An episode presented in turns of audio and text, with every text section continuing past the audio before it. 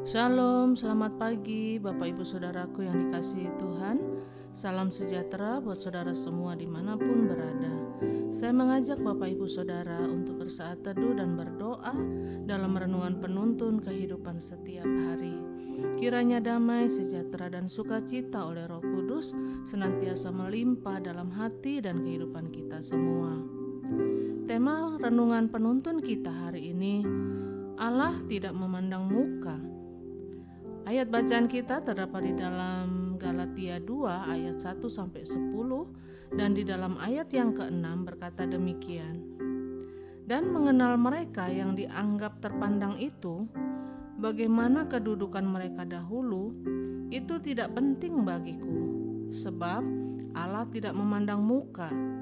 Bagaimanapun juga, mereka yang terpandang itu tidak memaksakan sesuatu yang lain kepadaku Bapak Ibu Saudaraku yang dikasihi Tuhan, tentu kita tahu bahwa penampilan adalah sesuatu yang sangat dijaga oleh seseorang. Misalnya kalau seseorang akan bepergian atau keluar rumah, tentu ia akan bercermin terlebih dahulu. Bahkan bukan sekedar bercermin, tetapi dia juga akan memperhatikan seluruh bagian tubuhnya Tujuannya hanya supaya penampilannya baik atau menarik. Saudaraku yang dikasih Tuhan, tahukah kita bahwa Allah sama sekali tidak tertarik dengan penampilan luar kita? Itu sebabnya Alkitab berkata, "Dan apabila kamu berdoa, janganlah berdoa seperti orang munafik." Mereka suka mengucapkan doanya dengan berdiri dalam rumah-rumah ibadat dan pada tikungan-tikungan jalan raya supaya mereka dilihat orang. Tetapi jika engkau berdoa, masuklah ke dalam kamarmu, tutuplah pintu dan berdoalah kepada Bapamu yang ada di tempat tersembunyi. Maka Bapamu yang melihat yang tersembunyi akan membalasnya kepadamu. Allah ingin melihat segenap hidup kita, termasuk apa yang tidak dilihat oleh manusia.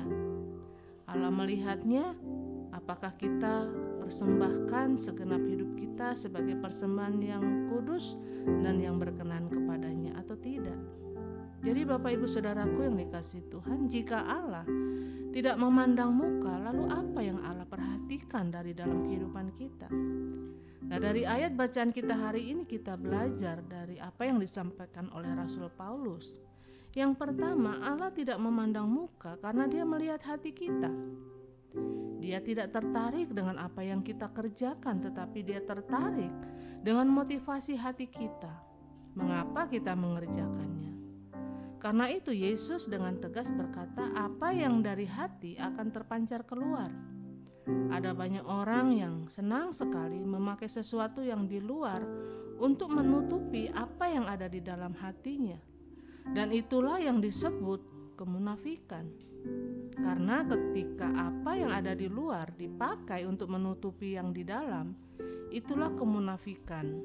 Dan ketulusan adalah apa yang dari dalam terpancar keluar untuk menyatakan kemuliaan Tuhan.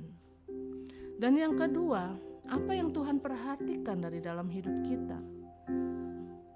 Yaitu Allah tidak memandang muka karena Dia melihat kekuatan serta kesetiaan kita Alkitab berkata, pencobaan yang kamu alami tidak akan melampaui kemampuanmu. Dan itu berarti Allah tahu batas-batas kekuatan kita. Setelah Allah tahu batas kekuatan kita masing-masing, berarti Allah tuntut kita untuk tetap setia sampai akhir.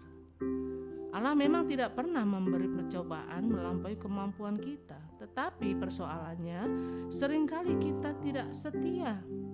Kita selalu bersungut-sungut, kita komplain dengan Tuhan. Dan yang ketiga, jika Allah tidak memandang muka, lalu apa yang Allah perhatikan dari dalam hidup kita? Allah tidak memandang muka karena Dia melihat pengorbanan kita. Daud berkata, "Air mataku kau tampung dalam kirbatmu." Itu artinya Allah mengerti setiap pengorbanan kita. Allah tahu perjuangan dan air mata kita. Kadangkala kita berpikir dan berkata, "Tuhan, saya sudah mengalah, saya sudah mengampuni, Saya sudah berkorban, tetapi adakah mujizat buat saya? Adakah pertolongan Tuhan buat saya? Bapak, ibu, saudaraku yang dikasihi Tuhan, percayalah bahwa mujizat, pembelaan, dan pertolongan dari Tuhan akan datang selalu tepat pada waktunya.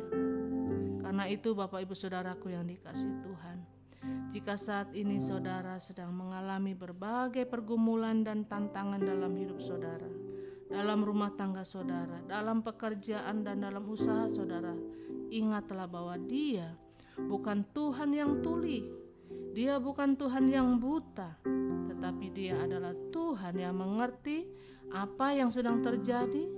Dia tahu persis apa yang sedang kita alami. Setiap tetesan air mata kita akan Tuhan ubahkan menjadi mata air berkat yang akan Tuhan alirkan dalam kehidupan kita, dalam rumah tangga kita, sampai kita melihat kemuliaan Tuhan dinyatakan dengan dahsyat dan luar biasa. Amin. Mari kita berdoa. Bapak yang baik, kami bersyukur buat pagi hari ini buat hari yang kau berikan, buat nafas kehidupan, buat segala berkat anugerah yang Tuhan sediakan buat kami, sehingga kami boleh ada sebagaimana kami ada. Tuhan, kami bersyukur punya Allah yang hebat, yang luar biasa, yang tidak memandang siapa kami, dari mana asal kami, dan tidak memandang keberadaan kami, tetapi Engkau melihat hati kami. Engkau melihat bagaimana ke kesetiaan kami, ketaatan kami. Engkau melihat bagaimana pengorbanan kami di dalam pengiringan kami kepada Tuhan.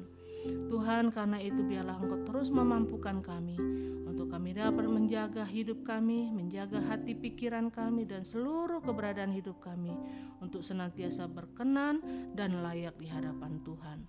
Roh Kudus, tuntun kami sepanjang hari ini dengan firman-Mu, dengan tuntunan roh-Mu, sehingga kami terus berkenan di hadapan Tuhan.